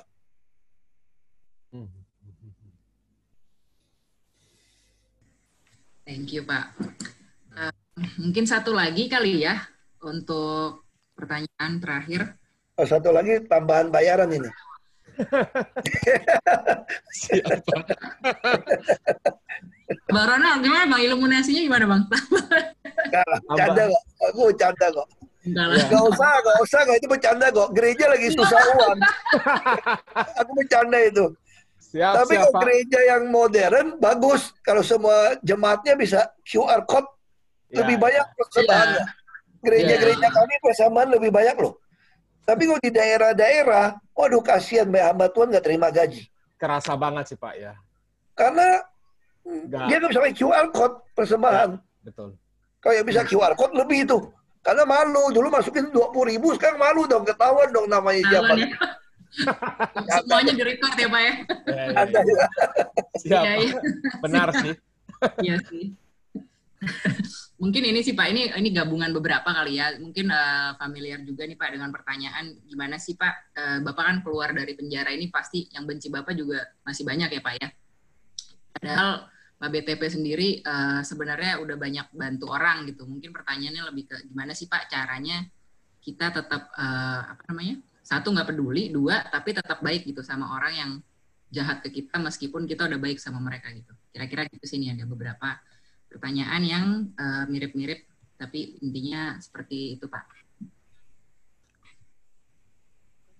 Ya aku bilang ngomong ke Tuhan lah. Hmm. Ya kan kadang-kadang saya juga lihat muka juga enak kok. Lu kira gua gua dewa, aku juga enak lihat dia gitu. Aku kalau lihat dia udah ngoceh, aku juga enak gitu loh. Ini orang munak banget gitu loh. Gak? Rasanya kalau dekat mabuk tuh betul-betul. Ya kita doa aja. Makanya saya bilang yang paling menarik kekristenan itu ada komunikasi hubungan pribadi dengan Tuhan. Apa pun yang kamu rasain, ngomongnya sama Tuhan gitu. Hmm. Bahkan ketika kamu ketemu orang yang kamu suka pun kamu bilang, waduh, Tuhan gue gawat nih, gue suka sama dia nih, Tuhan tuh tolong bantu gue nih, mesti stop ini. Mesti kita potong, jadi kita harus tahu peka. Kita bisa salah, yang harus cepat-cepat balik. Ya, saya bisa enak juga ketemu orang. Kalau ada pistol, gue tembak kepalanya langsung kali. ya, jadi makanya pistol kadang-kadang dikunci aja di lemari besi bahaya tuh. Kalau kita emosi gitu ya. Saya minimal kita ya doa sama Tuhan. Hmm, jadi belum tentu harus langsung ngomong ke orangnya ya Pak ya? Iya, ngomong juga nggak apa-apa. Kadang-kadang perlu juga kita semprot ya. Eh. Oke Pak, mungkin ada pesan Pak BTP untuk anak-anak muda Kristen nih yang lagi memperjuangkan integritas di tengah masyarakat plural, terus dalam pekerjaan, dalam perkumpulan, dan dalam uh, sekaligus menjadi hamba Tuhan sih kita di tempat masing-masing. Biar nggak putus asa sih Pak di masa-masa iya, pandemi ini. Iya lagi kondisi kayak gini kan, jadi banyak sekali nih anak muda yang memang berubah uh, pasti ya, uh, mulai dari mental, pikiran, pergumulan, seperti itu sih Pak. Jadi gini, saya nggak tahu pergumulan Anda apa. Saya juga nggak bisa, Anda juga nggak bisa mengcopy yang saya lakukan untuk Anda. Karena ya. kita setiap manusia ini unik. Tapi satu hal yang sama dari kita, kesulitan masalah apa pun yang kita hadapi, pakailah perspektif Allah untuk melihat itu. Supaya di situ butuh kita curhat sama Tuhan. Sehingga kita melihat masalah kita tuh langsung menjadi perspektifnya Allah. Lalu bagaimana Anda dihiburkan, dikuatkan, tahu solusi? Saya minta Anda harus baca firman Tuhan. Anda harus bacanya rutin, bukan main book. Ini solusinya apa ya? Buka top. Yudas gantung diri. Lu mau gantung diri gak? Gue tanya lu. Kan enggak gitu kan? Ya, ya. Ya, ya. Atau lu bilang tuh gak, gue mau cari bini nih. Begitu buka, tuh. Oh, siapa yang ngambilin gua air, berarti itulah yang jodoh gitu ya. ya. Lalu kamu bilang begini nih, pokoknya gue datang ke mall, siapa yang keluar di depan mall, itulah calon istri gue. Begitu keluar yang, wah yang serem lu gimana gitu loh. Jadi jangan sembarangan kamu membuat aturan juga. Tapi maksud saya, kamu bacalah secara rutin Alkitab. Kalau nggak ada yang setahun habis, minimal lu baca dua pasal sampai tiga pasal. Nggak habis itu setahun kalau dua pasal, tiga pasal. Tapi Anda kalau baca itu, minimal Anda dapatlah iluminasinya apa. Masih nggak bisa juga, nggak ngerti saya kalau baca ini dapatnya apa. Oke, tetap baca itu rutin, Anda butuh buku renungan batin. Hmm buku renungan itu adalah orang membaca firman Tuhan. Dia dapat iluminasi pengalaman dia lalu dia tulis. Nah itu untuk Anda belajar membaca nats Alkitab yang sama dengan si penulis itu. Anda belajar dari dia. Dapatnya apa sih? Nanti lama-lama kamu akan mulai temukan nats yang sama yang kamu baca sebelum kamu baca renungan dia ya ternyata kamu dapat renungannya beda sama dia gitu loh. Bisa juga kamu dapatnya sama. Nanti lama-lama kamu udah gak suka baca renungan.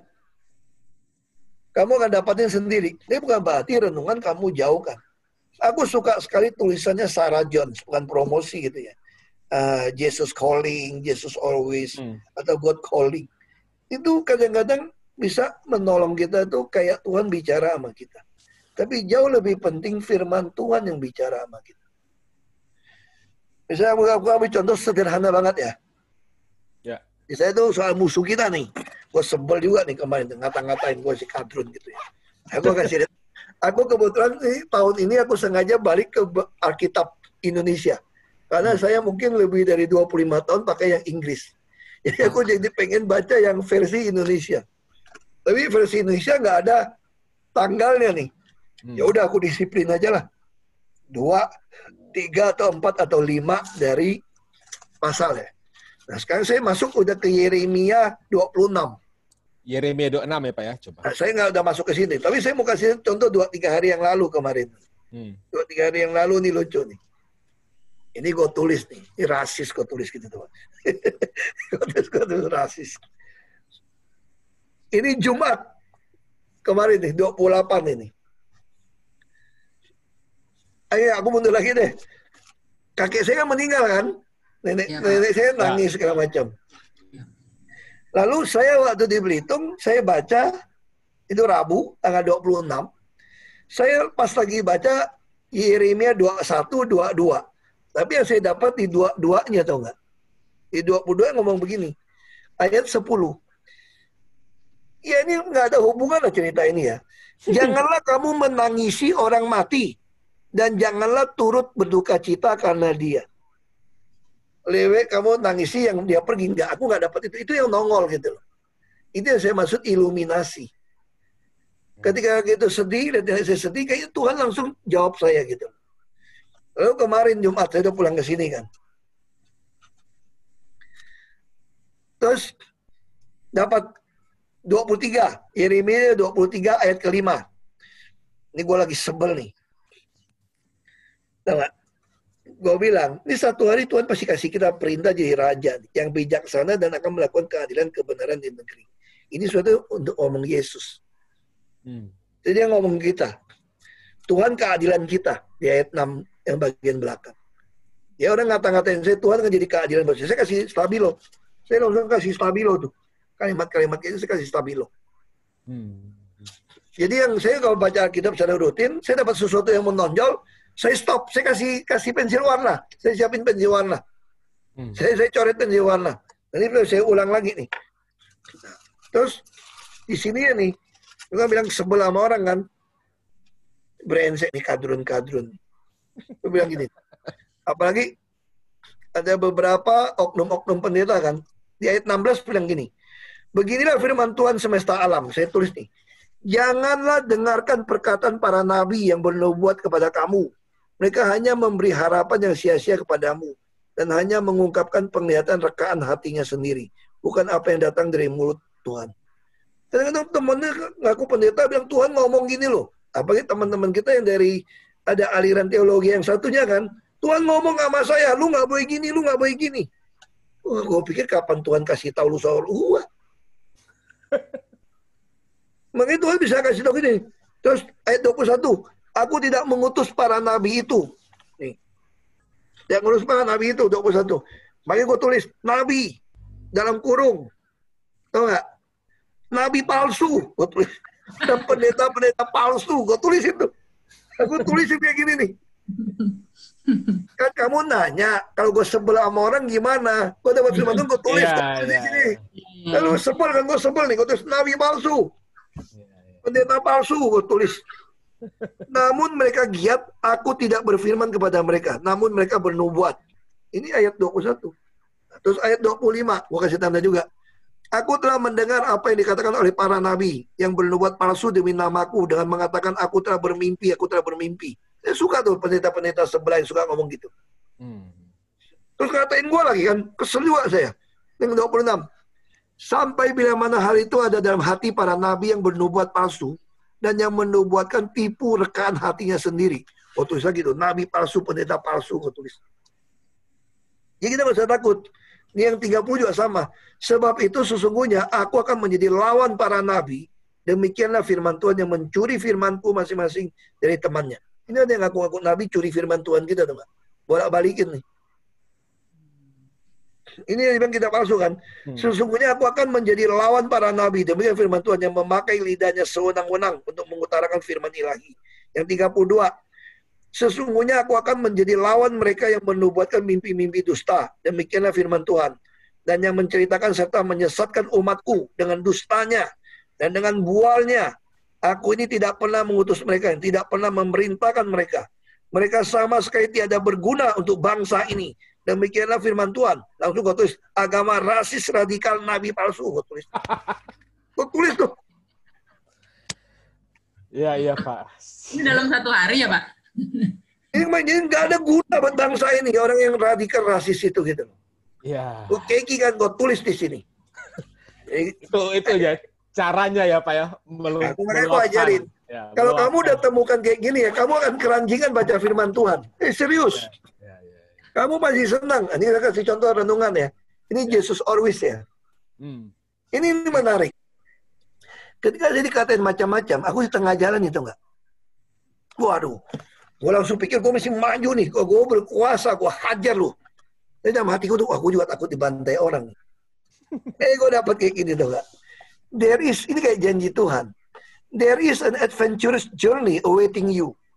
And you are anticipating it with mixed feeling. Itu yang gue rasain. Aku mixed feeling nih. Hmm. Tuhan mau pakai gue di negara ini jadi apa nih?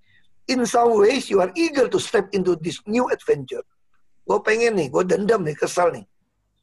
You are even expecting to find abundant blessings along the way. However, part of you fears leaving you comfortable, predictable routine. Kita tuh seperti itu. Makanya when ini ini kan nggak semua saya tulis. Saya saya saya kasih ini tuh nggak. Terus, wherever you are, the comfort of my presence is a forever promise. Trust me. Aku bisa doa, Jesus is with me, taking care good of me. Your guide to show you the way forward as you go step by step. Jadi ini ini makanya begitu aku baca di bawahnya nih, ini ada kitab eh Genesis 28 ayat 15. Wah, saya senang banget tuh. Hmm. Tiba-tiba kita lihat di kejadian 28 ayat 15. Ini sebagai penutup ya. Panjang penutupnya nih. Makanya aku ada bakat khotbah kan. Bahaya kalau itu. Iya Pak, boleh loh Pak. Kejadian 28, makanya kalau ada, ada teman gue bilang, Hok, gue biayain lu buka gereja, Hok. Bisa cuan kita, Hok. lu kalau buka gereja, gue ikut saham 20% dia bilang. Bisa cuan kita. Iya nih gue bilang, gila lu gue bilang. Ini aku mesti bacaan kejadian yang saya dapat untuk mendukung saya. Ada ada pertanyaan gini kan. Gimana sih kalau hatinya naik semangat apa nggak turun gitu loh. Nah, ini tiba-tiba Tuhan jawab saya itu di kejadian 28 ayat 15. Hmm. Ini bacaan Jumat kemarin nih. Dia bilang gini, Sesungguhnya aku menyertai engkau dan aku akan melindungi engkau ke mana pun engkau pergi. Dan aku akan membawa engkau kembali ke negeri ini itu saya anggap iluminasi, saya akan balik lagi. Sebab aku tidak akan meninggalkan engkau, melainkan tetap melakukan apa yang kujanjikan kepadamu. Itu dari awal saya masuk politik, saya tahu Tuhan mau pakai saya di pemerintahan. Hmm. Ini Tuhan ingatkan saya kembali. Tetap melakukan apa yang kujanjikan kepadamu. Bahwa saya nggak pernah salah memilih meninggalkan bisnis untuk masuk ke politik. Dan Tuhan tetap melakukan yang kau janjikan kepadamu sejak saya masuk. Nah ini acara iluminasi buat saya. Tapi bukan main buka Alkitab, tok dapat gitu loh. Tapi ini secara rutin ikutin tiap hari. Pergumulan kita dijawab. Ini kalau dibaca tahun depan, bisa beda lagi tuh ya. Hmm. Nah, saya punya satu udah kumal nih. Saya suka karena dibawa dari Mako Brimob. Ini namanya God Calling. Orang kirim kasih ke saya. Ini pagi-pagi, coba kita lihat ya, Jumat itu saya dapatnya apa gitu ya. Kita masuk ke Jumat itu, ini yang Jumat kan? Hmm. Jumat, pelayanan yang konstan. Saya langsung garis bawahnya, tau nggak? Jadikan ini bukan sebagai akhir, melainkan permulaan dari suatu kehidupan yang baru, yang diabadikan untuk melayaniku. Tahun 2018, saya dapatnya itu kan cerai kan. Ya. Ini bukan akhir ini. Hmm. Ini gue kasih lo yang baru untuk layanin lo bersama gue. Saya tulis BDPN itu. Yang tahun ini saya baca saya dapat. Ini untuk saya fight tetap di Pertamina. Dan di pemerintahan. Ini bukan akhir ini. Ini hmm. satu permulaan. Mereka pengen akhirin saya kan dengan bilang Pertamina rugi 11 triliun. Ini copot Ahok, pecat Ahok. Mau dipanggil ke DPR. Tapi Tuhan janjikan sama saya ini bukan akhir. Ini permulaan. Nah kita tunggu aja kesaksian ini. Kita lihat aja kan ceritanya ya. gimana. Itu yang saya bisa sharekan malam ini. Bagaimana cara kita ngalamin Tuhan, baca firman Tuhan. Kalau ada yang masih anggap saya sesat baca firman Tuhan, dengan cara seperti ini, ya saya suka tanya, sebagai orang Kristen, cara cara hidup Kristennya gimana? Jadi jangan cuma mengatakan saya sesat gitu loh. Hmm. Kalau yang saya lakukan tiap pagi seperti ini masih dianggap sesat, mendapatkan iluminasi, yang tidak sesat gimana? Kasih tahu saya. Yang mimpi-mimpi, yang kamu ngaku pendeta, Tuhan bicara sama kamu tentang saya, itu yang sesat saya. Yang main buka Alkitab, main umpimpa gitu loh, itu sesat. Makanya itu yang bisa saya sharingkan sih. Ya, Tuhan ya. menolong kita lah. Amin. Kita semua mesti saling mendoakan. Itu yang penting. Ya. Oke? Okay? Oke, okay. terima kasih Pak. Kita akhiri. Ya. ya, uh, belum ya Gi. Ada mau tambahin Bang, Bang Rona? Ya, ini hanya hanya untuk menutup aja. Uh, apa, kembali bahwa kalau Pak Basuki Cahaya Purnama di dalam segala kesibukannya, dia masih punya waktu dan apa ya dan keseriusan dalam dalam membaca firman bahkan men, mewarnai, mencatat, menulis segala sesuatu di, di, di dalam Alkitabnya, maka seharusnya saya rasa kita semua yang belum sesibuk Pak BTP ini seharusnya punya komitmen untuk membaca Alkitab dengan dengan dengan lebih tekun dan lebih. Ini juga ada satu yang saya potong Ronar ya. Kamu punya kebiasaan ya. tulis. Ini juga bagus. Jadi tiap pagi kamu punya pergumulan, kamu tulis. Lalu saya dapat renungan firman Tuhan, kamu tulis sebagai konfirmasi. Hmm. Jadi pengalaman kamu pribadi itu tulis. Saya tulis setiap hari. Sejak, sejak di dalam tahanan sampai keluar saya masih tulis. Hanya yang baca firman Tuhan iluminasi dengan sebanyak itu. Saya cukup tulis di Alkitab. Kalau dulu saya tulis di folio. Itu saya saya harap banyak cara lah. Belum tentu saya benar, tapi saya ya. sharingkan itu yang saya alami. Siap Pak. Makasih Pak BTP. Uh, eh, apa met metodenya pun sudah diberikan kepada kita semua. Baca apa yang kita rasakan pergumulkan, tulis, ingat, lalu lihat renungan dari dari penulis siapa pun uh, dan terus uh, menggali firman Tuhan. Uh, terima kasih teman-teman untuk semua waktu kita ngobrol-ngobrol. Semoga malam ini seperti yang Pak BTP tadi terakhir katakan, Tuhan menyertai kita dan kita saling doakan. Malam ini mari kita sama-sama berdoa. Pak BTP, kita akan berdoa bersama. Uh, kita akan juga akan mendoakan Pak BTP dalam seluruh tugas dan tanggung jawabnya bagi negara ini. Mari kita berdoa. Terima kasih ya Tuhan untuk berkat-Mu yang kau berikan kepada kami pada malam hari ini lewat anakmu yang engkau kasihi, Basuki Cahaya Purnama. Terima kasih untuk kehadirannya bagi kami semua, khususnya bagi negeri ini. Kami percaya bahwa engkau bekerja luar biasa melalui dirinya, menjadi saksimu di dunia ini dengan berbagai tantangan. Dengan keberadaannya sebagai manusia biasa yang tak lepas dari pergumulannya Tuhan. Kami mendoakan Pak Basuki Cahaya Purnama untuk terus sehat, untuk memiliki sukacita, menjadi teladan untuk kami semua. Dan biarlah kami semua dapat mencontohi sosok pribadi dari Pak BTP ini untuk menjadi inspirasi bagi kami semua anak muda untuk lebih rajin mengenal firman, untuk percaya bahwa Engkau menyertai, Engkau menyediakan bagi kami, dan kami semua tak perlu takut terhadap keganasan malam, terhadap orang-orang yang membenci kami. Kami berdoa ya Tuhan untuk bangsa dan negara kami. Berkati Indonesia ya Tuhan. Berkati para pemimpinnya. Berkati rakyatnya ya Tuhan. Dan kami semua sebagai anak-anakmu di negeri ini. Menjadi garam dan terang. Dan tak perlu takut untuk menjadi saksi. Inilah doa kami. Di dalam nama Tuhan Yesus kami berdoa. Amin.